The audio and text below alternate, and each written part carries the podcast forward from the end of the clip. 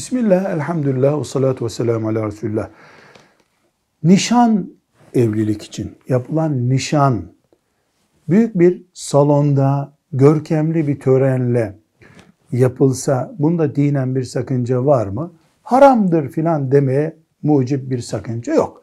Ama hadisi şerifte asas olan nikahı görkemli yapmak, nişanı aile içinde yapmak şeklindedir.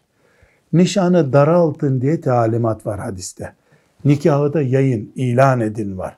Şimdi insanların nikah töreni gibi yani düğün gibi nişan yapmaları, nişanda ne yapacaklarını soruşturacak kadar abartılmış bulunuyor. Sünnete çok uygun bir hareket değil ama bundan büyük bir haram ortaya çıkar da diyemeyiz. Mümkün olduğu kadar aile içinde ve aile bireyleri arasında tutulmalı. Nikaha yani tören nikahın düğününe, törenine daha görkemli bir hazırlık yapılmalı. Velhamdülillahi Rabbil Alemin.